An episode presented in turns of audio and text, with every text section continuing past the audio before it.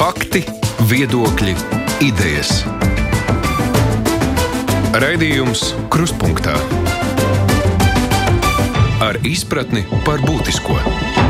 Aizsmeļamies, Tomsons, saka jums labdien! Mums pirmdienas ir intervijas dienas, un šodienas izvēle nu, viesizvēle lielā mērā ir saistīta ar pēdējiem notikumiem. Nu, vispirms jau tas, kas arī notiek Baltkrievijā, jo mans sarunbiedrs daudz laika, vairāk nekā desmit gadus, ir pavadījis tur. Tur bijusi viņa darba vieta.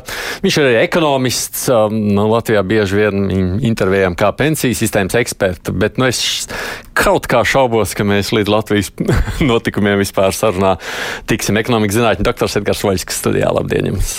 Labdien! Hai. Kad jūs bijat pēdējo reizi Minskā? Pēdējo reizi bija jūnijā. Mm.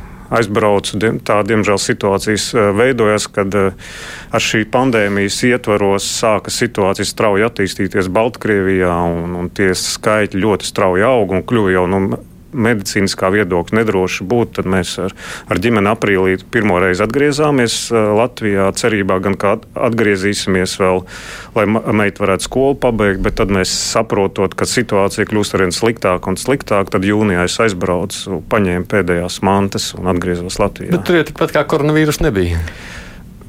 Oficiāli nebija, bet, diemžēl, tā reālā situācija bija ļoti bēdīga, un šie skaitļi ātri, strauji progresēja. Ņemot vērā, ka ierobežojumi nebija nekādīgā veidā, tad es, tas bija acīm redzami. Kā cilvēki sāk saslimt, kā cilvēki mirst. Un, mm. Diemžēl man jāsaka, bija daudz manu draugu un kolēģu lokā cilvēku, kas saslima, un es arī zināju cilvēku, kas, kas diemžēl mira.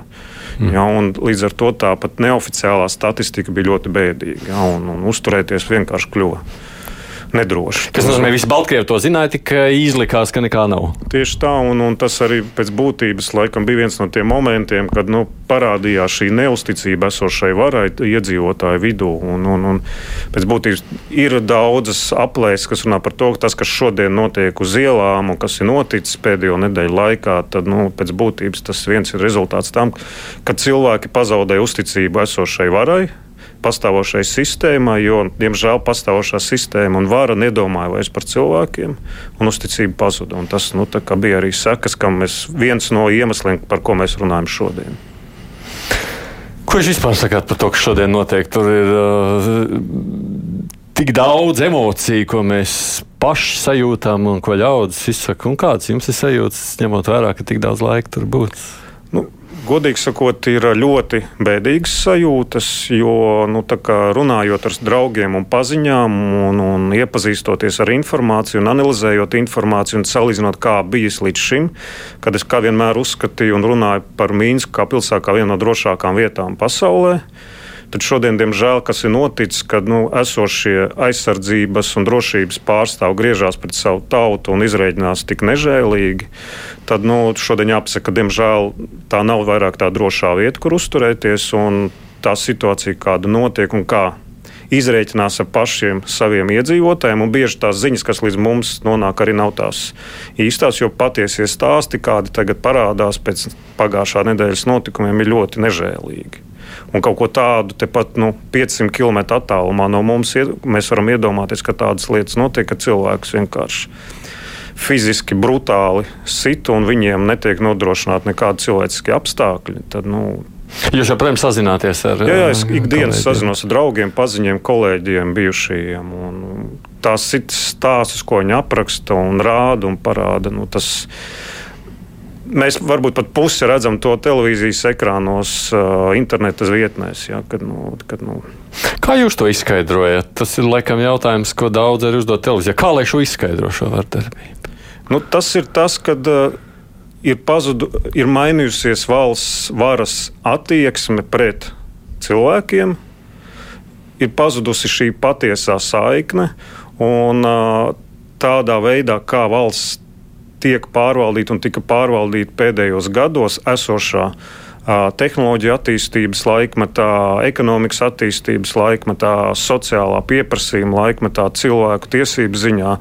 Esošā vara vairs nu, nespēja atbildēt esošā ziņā, un līdz ar to tas parāda, ka šī situācija ir tik tālu eskalējusies. Ja. Un, diemžēl to teiksim, informācija, kas līdz šim tika slēpta no cilvēkiem, kas bieži neatnāca, šodien tas atspoguļojās skaitļos tas atspoguļojas reālās attēlos, jo nu, šodienas tehnoloģiskais attīstības vilnis, kas iet cauri ne tikai internetu, bet citām tehnoloģijām, sociāliem tīkliem, šiem saucamiem messengeriem. Ja, cilvēki iegūst patieso ainu un saprot to, ka nu, cilvēki vienkārši ar nežēlīgām metodēm izreikinās paši ar saviem cilvēkiem.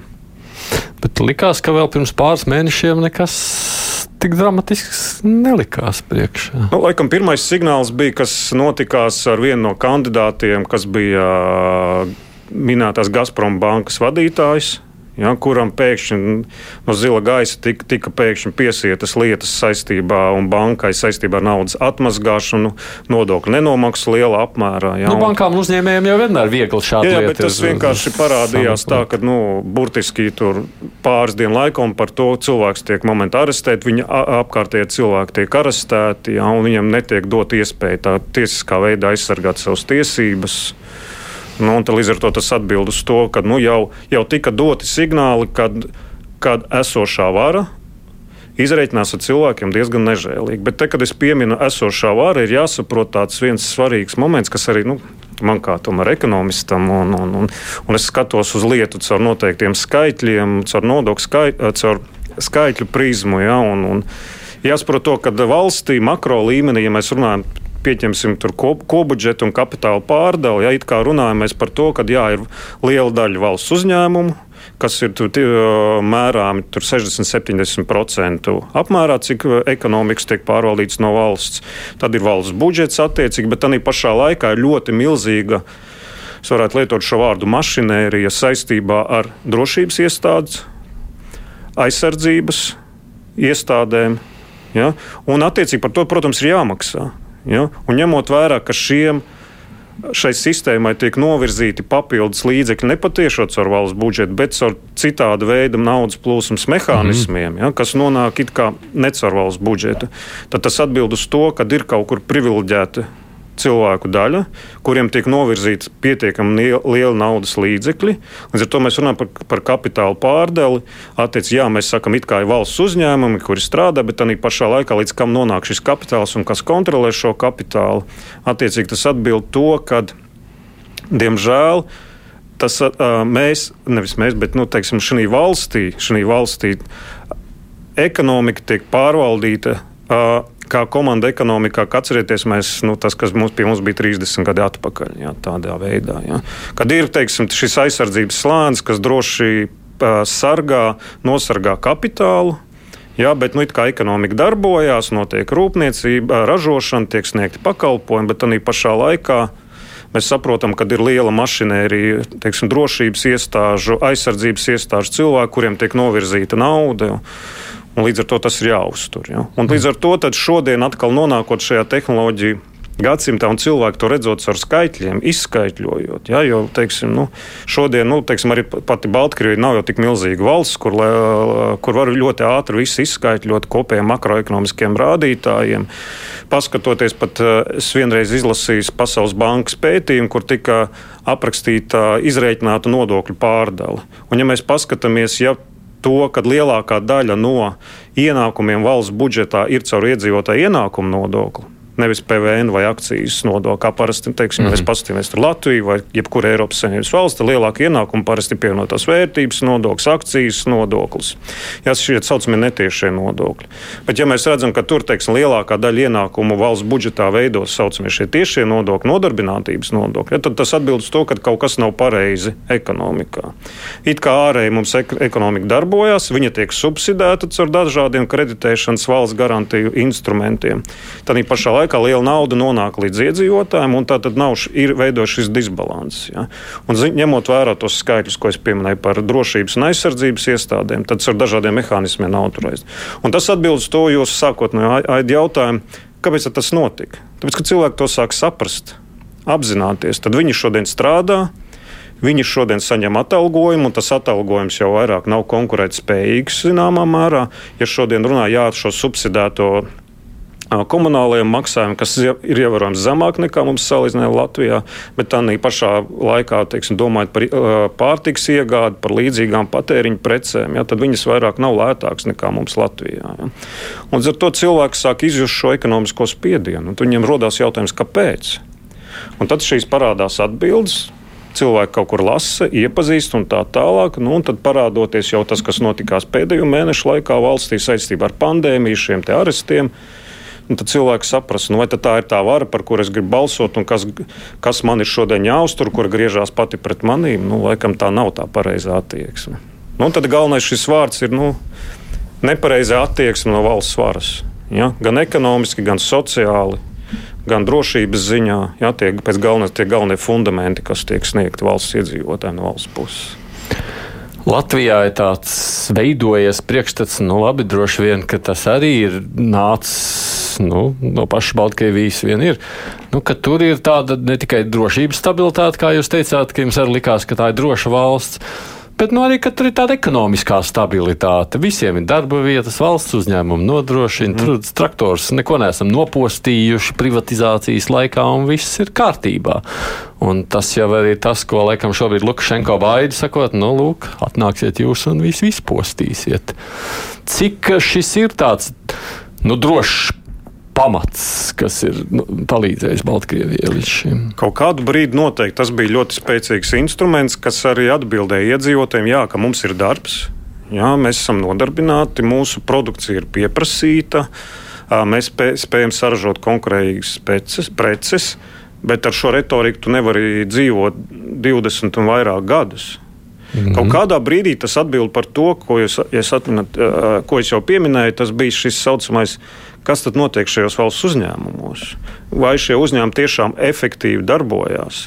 Ar efektivitāti saprotu tādu, vai šo uzņēmumu bilancēs tīri grāmatvetiski, vai viņi ir likvīdi.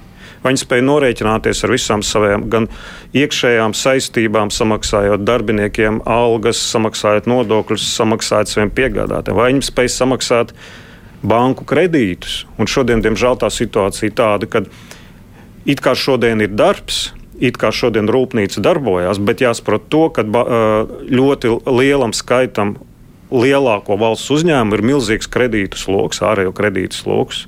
Banku sloks ne tikai no vietējām bankām, bet arī no ārējām bankām, gan rietumos, gan Krievijas bankām. Un pēc būtības šie uzņēmumi ir tik tālu nokreditēti, ja, ka viņi pēc būtības ir zem tā riska, zem maksātas nespējas riska, vai viņi nāko, nākamā gada laikā spēs norēķināties ar manis jau pieminētajiem piegādātājiem, ar kreditoriem, ar bankām, lai šis uzņēmums turpinātu darboties. Un te ir tā atbilde, vai šodien, kad tika pieminēts, nu tagad atnāks tie ļaunie rietumu investori, kuri privatizēs un visus izdzīs uz ielas. Bet ir atbilde tāda, ka šodien visdrīzāk neviens no šiem uzņēmumiem vairāk nebūs interesants rietumu investoriem privatizācijas jautājumā, jo šie uzņēmumi netiek efektīvi pārvaldīti. Ir jāpieņem ļoti virkne smagu lēmumu jau valsts līmenī, ko darīt ar šīm rūpnīcām, no viņu finanšu situācijas, lai atrisinātu. Jo pienāks kaut kāds brīdis, kad viņi bez, eh, bez šiem rietumu investoriem, iebiedētājiem vai investoriem no Krievijas. Ja? Rūpnīcas vienkārši nebūs spējīgas samaksāt tās pašas darba algas, jo jau nepietrūks apgrozāmo līdzekļu. Un tāpēc ir kaut kāds brīdis jau šodien pienācis to, ka jā, tā retorika pāris gadus darbojās. Tā fobija, kur bija, kad redziet, jums ir darbs, ja ekonomika ir stabila, bet kas ir stabila ekonomika? Vai stab ekonomika ir augsme? Ja, jautājums. Un jautājums, no kā viņa veidojās. Ja, tad jā, šie lielie uzņēmumi, kas ir divi lieli naftas pārstrādes rūpnīcas, traktoru rūpnīca, autorūpnīca. Un virkni daudz citu lielu uzņēmumu valstī, ja, kas ir giganti. Bet jautājums, kā viņi tiek pārvaldīti, tas ir viens. Otrs ir, cik viņi paši efektīvi no finansiālā viedokļa ir uh, dzīvot spējīgi. Un te ir tas brīdis, laikam, pienācis, kad nu, Atbilde, ka šodien laikam nē, ir jāpieņem kaut kāds nopietns lēmums par šo uzņēmumu restruktūrizāciju, pārējo kreditoru. Uh, pārunā, kā tālāk notiks pārunas. Ja, tas ir tas ekonomiskais spiediens, kas arī izveidojas arī no šīs pandēmijas, kas atnāca arī zināmā mērā. Varbūt viena svarīga fakta, ko es gribētu arī pieminēt šeit, kur ir tas risks arī ir izveidojis milzīgs. Ja mēs paskatāmies, kas notikās Latvijā, Eiropā, pat arī Krievijā, kad valdības izstrādāja virkni dažādu atbalsta mehānismu paketes, lai tomēr pandēmijā cietušie uzņēmumi spētu izdzīvot un turpināt. Protams, kāds cietīs un tā tālāk, bet tomēr tika ļoti nopietnas paketes sagatavotas. Diemžēl Baltkrievijā šādas paketes, tas, kas tur bija izstrādāts, nu, diemžēl nu, ekonomiski viņas nav tas, kas spētu risināt tās samilzušās problēmas, kas izveidojušās. Un tā ir atkal kārtēja atbilde, kad Baltkrievijas ekonomika kļūs konkurēt nespējīga ja netiks pieņemti tuvākā laikā nopietni lēmumi šodien, kā pēc būtības tās samilzušās problēmas risināt. Un, diemžēl jāatzīst, ka ar iekšējiem resursiem šī valsts nespēs atrisināt šīs problēmas. Tad ir jāmeklē būs ārējā finansiāla, ekonomiskā palīdzība. Ja? Un te ir tās piesauktās fobijas un tā tālāk ir nevietā, jo cietēji jau pirmais būs kas iedzīvotāji. Bet, ja tagad skatās no Baltkrievijas iekšpuses, lūkojoties, vispirms šī uzsāktais streiks šodien viss valsts mērogā. Viņš jau to maksāt nespēja tikai patuvina, vai ne? Nu, tā arī taisnība viņa patuvina, bet nu, te tas ir vairāk, nu, laikam, vairāk politiskie motīvi meklējumi. Ja? Jo cilvēki grib saprast, uz ko un kāpēc viņi strādā un kādā valstī viņi dzīvo. Un, laikam, te pats galvenais ir tas cilvēku neapmierinātība, kas izveidojusies. Ir, tā attieksme, kas bija iepriekšējos mēnešos ar pandēmiju, un tas, kas notikās pēdējās nedēļas laikā, nu kā, kā izrēķinās ar cilvēkiem, jā, kādām metodēm vienkārši. Jā. Un, un tāpat mēģina joprojām slēpt faktus un tā tālāk, bet, nu, diemžēl, tā retorika, kas nāk jau. Nu, To varēja darīt desmit gadus atpakaļ, tādā veidā šodien, akli saku, tehnoloģiski tās lietas ir noslēpt ļoti sarežģīti. Jā. Kas savukārt nozīmē tās veids, kā piespiest Lukašenko atkāpties, uzsākot šo streiku, tas patiešām ir efektīvs. Jā, tas no... tas ir pareizais ceļš, ko cilvēki ir uzsākuši darīt, jā, jo nu, tā turpināties tas nevar vairāk. Jā, jo, nu, mm -hmm. jo, diemžēl tā esošā retorika, pārvaldes mehānisms, nu, viņš vairs nav dzīvot spējīgs. Bet sanāks jau beigās tā. Lukašenko te viņu piespiedīs. Viņš beigās droši vien arī vairs nebūs, bet tās rūpnīcas izjuks, tās darba vietas vairs nebūs. Sāksies tas, ko mēs esam arī savulaik piedzīvojuši 90. gadu grūtos laikus. Un, un kurš beigās izteiks, ka Lukašenko tomēr bija labi? Nu, es laikam nepiekritīšu. Nepiekritīšu. nepiekritīšu. No, tad, tad... Mans viedoklis bija, es arī kādreiz arī dažreiz man bija iespēja ar val, Baltkrievijas valdības pārstāvjiem runāt jā, par šīm jautājumiem. Jā, tas atbilde bija tāda, ka, ja kāds paziņo par to, ka nu, tagad ir jāskan, jāprivatizē tie uzņēmumi, man atbildi bija teikt, nē, nekas nav jāprivatizē šodien, jo arī diez vai jūs spēsiet kaut ko pārdot par nopietnu summu šodien, jo tie uzņēmumi nav efektīvi pārvaldīti. Un atbildi tamā, ka šodien, šodien ir valdībai, kāda nu viņa būs. Jāpieņem lēmumi par nopietnu šo uzņēmumu restruktūrizāciju. Viņi ir jāsaglabā, Bet, ja es runāju par restruktūrizāciju, par darbības optimizāciju, ja, te nevienmēr ir tie, pirmais vienmēr cilvēkiem nāk prātā, nu tad samazināsim darbinieku skaitu. Ja. Bet ir virkne uh, mehānismu, kā šo risināt pat pie esošā darbinieku skaita. Ja. Bet, protams, šīs visas reformas, izmaiņas un tā tālāk, tas maksā naudu. Ja, par brīvu nevienas reformas nenotiek. Ja. Un ar to ir atkal var atbildēt uz to, ka, nu, ja rietumu sabiedrība ir vai arī Krievija ir turpmāk gatava atbalstīt pārmaiņas valstī. Es nerunāju par politiskajām, jā, es pat runāju par ekonomiskajām. Par ekonomiskām jā.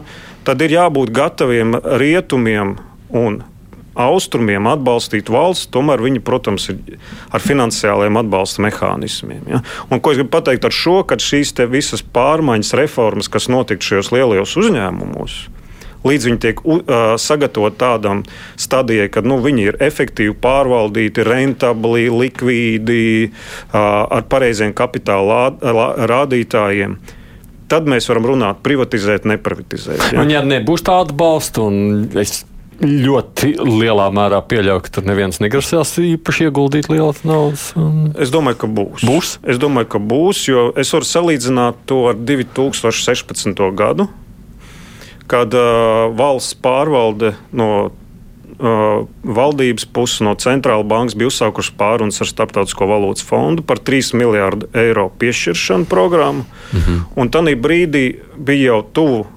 noslēgums šīs pārunas, bet diemžēl augstākā valsts svāra pateica, ka mēs šos instrumentus neizmantosim, jo, protams, vienmēr, kad starptautiskais valūtas fonds nāk, viņš prasa nopietnas ekonomiskās reformas. Un tad jau tas bija atspēriena punkts 2016. gadā, kad pēc būtības parādīja, ka nu, valsts nav gatava mainīties.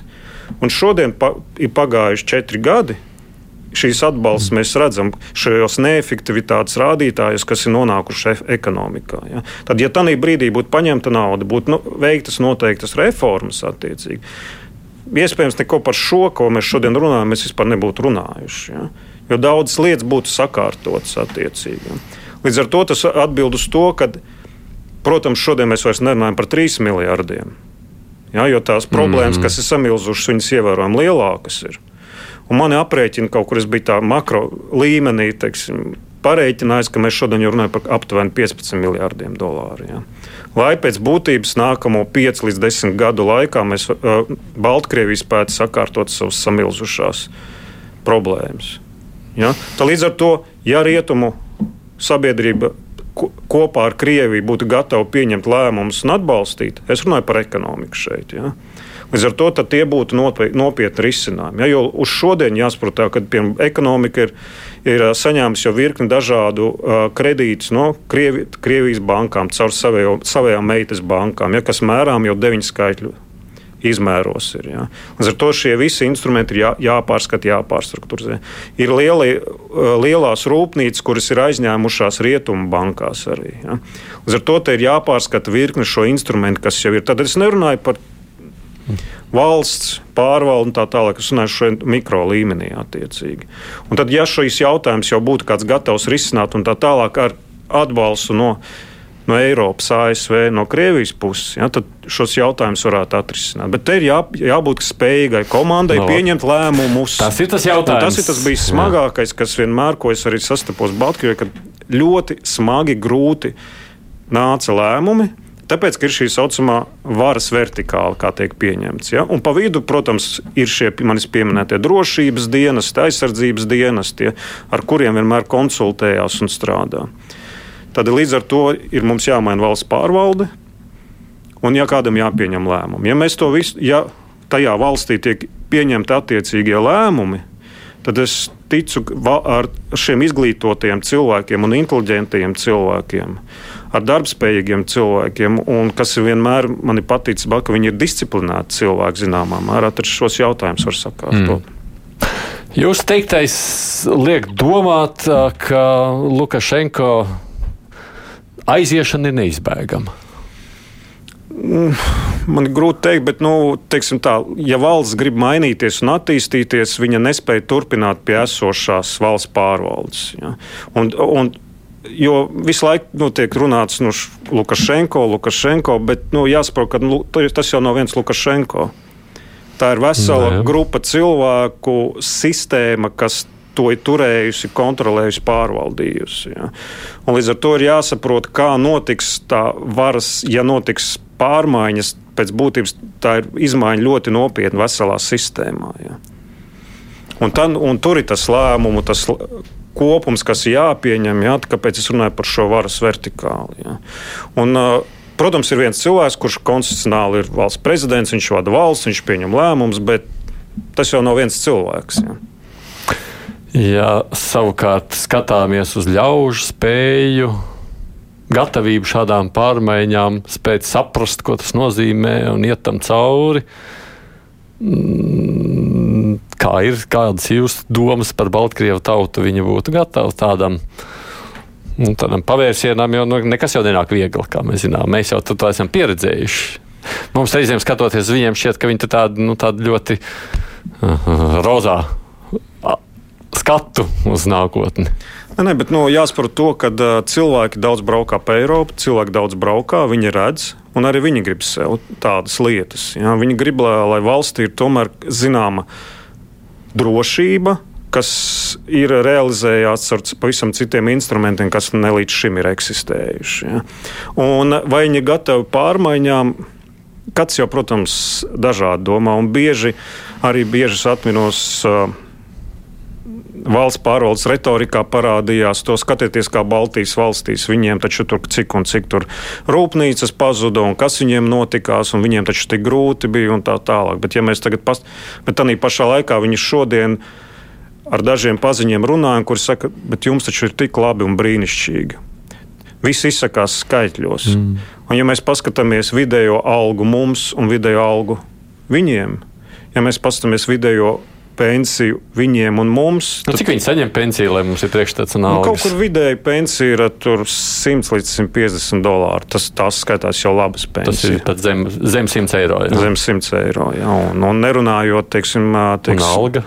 Un alga ir tur oficiālā, tiek piesaukta kaut kur ap 400 eiro, kaut kas tam līdzīgs. Bet 400 oficiālā jūs jau skeptisks esat. Esmu jā. skeptisks, jā, tādā ziņā, ka nu, līdz ar to, ka. Nu, mūsu skaitļi. Protams, mums tur dzīves dārgums ir nedaudz, nu, teiksim, tas patēriņa grozs nedaudz savādāks izmaksu ziņā salīdzinot ar viņiem.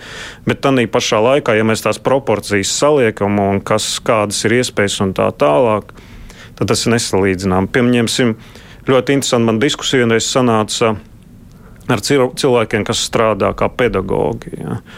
Un, ja viņi pasaka, ka pedagogs saņem aptuveni 300-400 dolāru, jā, teiksim, kas skaitās jau laba alga ja, priekšpedagogi, tad mēs zinām, ka mums, neskatoties to, ka pedagogi streiko regulāri un ir neapmierināti, tad nu, ienākuma līmenis nu, pedagogiem ir ievērojami augstāks. Trīsreiz lielāks. Nu, tieši par ko iet runa. Ja. Un tā ir tā atbilde, ka cilvēki pasaka, ziniet, to, ko mums it kā televīzijā un publiski stāsta, ir viens, cik grūti rietumos un tā tālāk.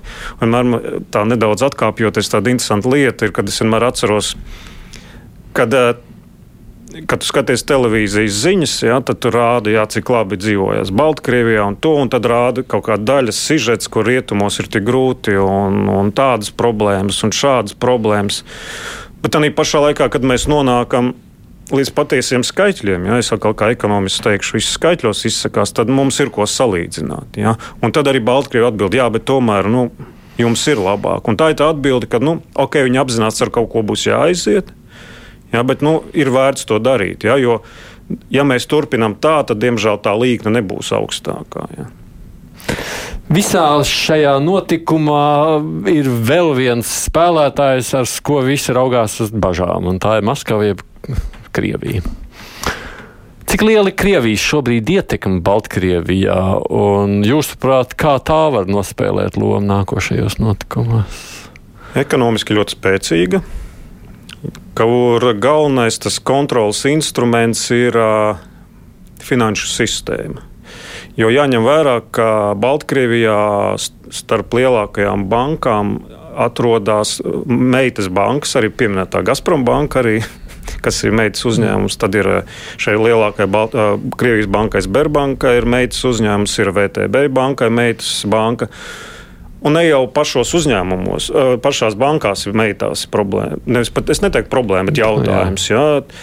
Jautājums ir tamā, kad caur šīm bankām tiek finansēta virkne dažādu projektu Baltkrievijā. Ja, tas nozīmē kredīt saistības. Tās ir ilgtermiņa saistības. Ja, šie skaitļi, kā jau minēju, jau uz šodienu kopumā mērās deviņu skaitļu izmēros. Līdz ar to ar šiem finanšu instrumentiem Krievija var kontrolēt virkni ekonomisko procesu valstī. Ja, kad nu, tie ir tādi netiešā. Tas nākamais solis, kur teiksim, tas nākamais risks tiek šodien skatīts, ir Baltkrievija divi strateģiski svarīgi uzņēmumi. Es pat teiktu, trīs laikam. Ir, tie, ir divas naftas pārstrādes rūpnīcas. Tas ir Naftāns, kas ir no politiskā netālu no Latvijas, kas atrodas. Mm -hmm. Un ir uh, Mozeres naftas pārstrādes rūpnīca, kas ir pie Ukrainas atrodas. Mm -hmm. Un trešais ir Belarus kālijas, kālijas sāls ražotājs un tirgotājs. Ja? Un Krievijai vienmēr bijusi interese par šiem trim, trim lieliem uzņēmumiem, ja? jo tie uzņēmumi pirmkārt ģenerē milzīgu summu attiecībā iekšzemes koproduktā valstī. Tas ir viens, otrs ir tas ir strateģiska pieeja galveniem ekonomiku ražojošiem instrumentiem Ja, un ienākums ražošanas, ar kuriem tu vari pilnībā kontrolēt nu, jau visus ekonomiskos procesus, un caur ekonomiku, nu, protams, mēs esam mācījušies, nu, arī, arī turpmāk arī politiskos mm instrumentus realizēt. Ja. Un tas atbild uz to, ka varbūt šodien Krievija nu, teiksim, politiski netaisās iejaukties dziļi tajās problēmās. Ja. Bet tā pašā laikā jau tas, kas ir noticis pēdējo 5 līdz 10 gadu laikā ar šiem finanšu instrumentiem kur Krievija ir ielikusi savu roku attiecīgi un kontrolē. Ja. Un attiecīgi šīs ikgada pārunas attiecībā uz naftas un, un, un, un naftas, naftas un gāzes cenām attiecīgi. Ja. Un tas runā par to, ka nu, ir instrumenti, kas spēj kontrolēt. Jo arī šodien, pieņemsim, ir Lietuvas kritizēta atomelektrostacija. Ja? It kā saka, tas taču ir Baltkrievijas projekts, saka, jūs ļaunie Baltkrievi tagad būvēt, bet tā pašā laikā jāsaprot, ka Šo rūpnīcu ir uzbūvēta izmantojot aizņemtos līdzekļus no Krievijas bankām. Tas ir viens. Tehnoloģija tā ir Krievijas tehnoloģija, un izēvielas nāk viss no Krievijas. Būvētāji ir laikam bija no Krievijas. Un būvētāji bija no Krievijas. Līdz ar to tas atbild atkal, ka tā ir pilnīga tieša ekonomiska kontrola pār enerģētisko sektoru. Ja? Jo līdz šim bija tā, ka pat enerģija, kas tika ražota Baltkrievijā, 96%, 96% lai saražotu elektrību, tika izmantot Krievijas gāzi.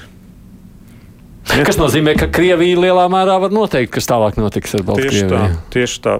Un te, protams, ir, tāpēc ir svarīgi šīs pārunas ne tikai no Eiropas Savienības vai ASV, bet te būtu jābūt tādām kopēju līmeņa sarunām, trīspusējām ASV, Eiropas Savienība un Krievija, kā palīdzēt atrisināt esošo situāciju. Jo mēs šeit, šajā situācijā, viens ir ekonomiski, ja, bet mēs šajā situācijā jau spēlējamies ar cilvēku dzīvībām. Un tas ir laikam tas briesmīgākais visā šajā stāstā. Ja jūs būtu Putina padomnieks, ko jūs viņam ieteiktu, kā rīkoties? Pirmkārt, laikam, man negribētos būt, būt viņa padomniekam. Būt no viņa padomniekam. Es domāju, ka es savas zināšanas varētu pavisam citām labām lietām izmantot. Bet, protams, ko Krievija šodien var realizēt ņemot vērā tās intereses, un tas, es domāju, bieži mēs esam sapratuši, ka galvenā, kas ir Krievijas interese politiskā un Kremļa ietvaros, tas ir, lai Baltkrievija atrastos Krievijas bāzes, militārās bāzes. Ja, tā ir vienīgā pēc būtības interese. Ja. Lai teiksim, varētu mm. nu, sargāt, nu, sargāt savu teritoriju. Ja. Un tā ir tāda galējā, teiksim, tāda politiskā interese, kas ir no Krievijas puses. Un, protams, to visu var realizēt ar šiem ekonomiskiem instrumentiem. Līdz ar to šodienas strauja eskalācija politiski, kas, ja notiktu, ja, tas būtu nu, nepareizi no Krievijas puses. Ja. Jo, ja teiksim, lai gūtu Baltkrievijas tautas atbalstu, ja, Krievijas acīs, ja, tad tiešām jābūt nopietniem palīdzības signāliem, instrumentiem, ko parādīt Baltkrievijai no tās puses. Bet, ja tas būtu pavisam pareizi un godīgi, ja es būtu tiešām, teiksim, tad es to redzētu, ka tam jābūt komunikācijā starp ASV, Eiropas Savienību un Krieviju. Jo geogrāfiski tā vieta mm. ir svarīga ekonomiski tur atrodas strateģiski ļoti svarīgi institūti. Tātad šīs rūpnīcas, manas pieminētās, attiecīgi šie projekti, kas tiek realizēti, gāzes vats, kas iet uz starp Krieviju un Poliju. Ja? Tad, attiecīgi, citi instrumenti. Tad šeit jābūt tomēr kaut kādam vienodam dialogam. Vai es pareizi esmu sapratis, ka pašā Baltkrievijā tautas noskaņojumā tāds ļoti pretkrievisks noskaņojums nav. Un ja vien Krievija šobrīd nekāps ar tankiem iekšā pāri robežām, lai glābtu Lukašenko, tad, nu, tad, tad tad tādam pretstāvējumam kā starp Ukrajinu un Krieviju nevajadzētu veidoties. Nē, absolūti nē, un, un nav nereiz bijušas tādas ja, teiksim, es pazīstu daudz manu paziņas Ukrajinā, ja, un kāda ir reakcija, kad tiek pieminēta Krievija un tā tālāk. Tur nu, ļoti tas eskalējās. Baltkrievijā nekā tāda neeksistē, bet, protams, ir zināmas. Nu, Nevēlēšanās, ka nu, kaut kas notiek līdzīgi, pieņemsim, pieminētajā Krimā, ja, kad nemanāmi pēkšņi ienāk neredzamā vara attiecīgi. Protams, Baltkrievija grib suverēni paši, jo viņi, es vēlreiz atkārtoju, ir izglītoti, inteliģenti cilvēki. Uh, disciplinēti cilvēki un ļoti mīloši savu valsti. Jā, tāda. to tā, esmu novērojis. Tas nozīmē, ka nu, Putins nu, tas būtu saprātīgi, ka viņš nemēģinātu glābt Lukašenko ar tankiem. Nē, tas būtu nu, teiksim, būtu lielākā kļūda, ko viņš varētu izdarīt. Šodien, jā, jā, jā. Lai gan tur kaut kāda, saprotu, militārā tehnika mazliet pie robežas šobrīd. Nu, jā, bet tur es pieņemu, ka tā ir tāda, viņiem ir šī organizācija ODKB, ja es nekļūdos, šis nosaukums, kur mm -hmm. ir tā vienošanās, kur var izrādīt izrādīt palīdzību, varbūt tas mm -hmm. ir mhm. kaut kādi signāli. ja parādīt, ka nu, mēs kaut ko esam gatavi darīt, ja, bet nu, es negribētu teikt, ka nu, šeit notiks kaut kāda mil militārā intervencija. Nākošās nedēļas un mēneši vajadzētu būt ļoti saspringti, bet arī interesanti. Ne, Baltkrievijā? Būtu interesanti, un es visā, laikam, vakardien bija tā labākais, ko es arī mēs sekojam līdzi, kas notiek, rādīja, rādīja ka jā, cilvēki izgāja ielās, un tie bija miermīlīgi mītiņi. Katrai pusē bija iespēja izteikties. Ja, un par laimi, par laimi neatkārtojās pagājušās nedēļas notikumi. Ja. Un, ja šādā veidā tiek risināti jautājumi, tad katra puse parāda savas vajadzības. Ņemot vērā, ka cilvēki ir gudri, inteliģenti un nav uz vardarbību virzīti, tad es domāju, šos jautājumus var nopietni un pareizi atrisināt. Bet pats vairāk tālāk atpakaļ šobrīd negrasāties atgriezties. Nu, tuvākā laikā nē, jo arī pandēmijas ietvaros pa labam tur nemaz nevar aizbraukt uz šodienu. Ja? Bez, ja tu neesi teiksim, kaut kā diplomātiski vai politiski saistīts. Tur joprojām nav tik droši. Tur joprojām tā nav droši. Un atgriežoties no Baltkrievijas, jāsēž ir Jā. karantīns. Un es jau divreiz. Skatoties uz tām lielajām ļaužu mācām, tur varētu būt šajā ziņā sliktāk. Drošības ziņā arī nav īsti droši atrasties uz ielām. Tā jau es teicu, ka mēs visticamāk līdz Latvijas notikumiem netiksim. Nu, ko lai dara? Varbūt kādreiz atkal satiksimies šeit studijā, runājot arī par to, kas notiek Latvijā, kurā neapšaubām, nu, salīdzinot ar Baltkrieviju, ir tā situācija labāka. Paldies jums, ka atnācāt šoreiz uz Paldies, studiju jā. ekonomikas zinātņu doktors Edgars Voļskis mums kruspunktā intervijā par notikumiem Baltkrievijā.